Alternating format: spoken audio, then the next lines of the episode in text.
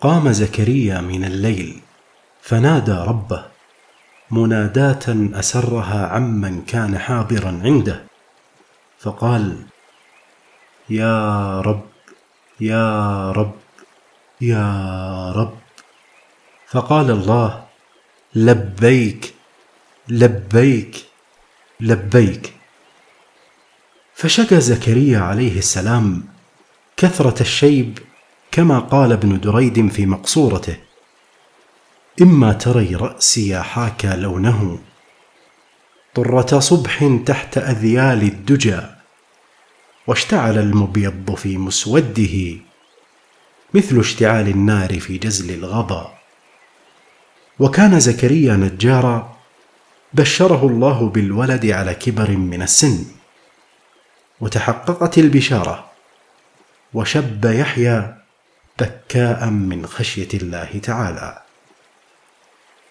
أما عن بيان سبب قتل يحيى عليه السلام ذكروا في قتله اسبابا كثيرة من أشهرها أن بعض ملوك ذلك الزمان بدمشق كان يريد أن يتزوج ببعض من محارمه أو من لا يحل له تزويجها.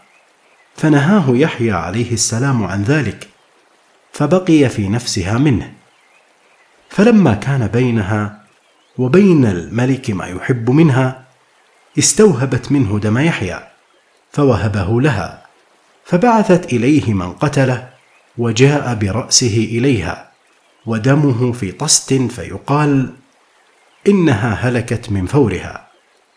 وقيل بل احبته امراه ذلك الملك وراسلته فأبى عليها.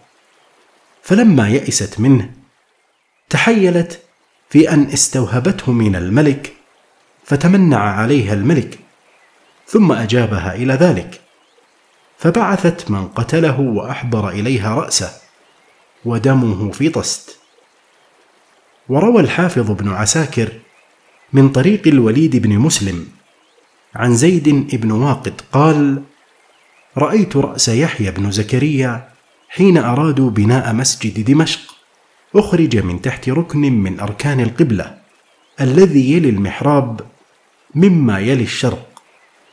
فكانت البشرة والشعر على حاله لم يتغير كأنما قتل الساعة. وذكر في بناء مسجد دمشق أنه جعل تحت العمود المعروف بعمود السكاسكة. فالله أعلم.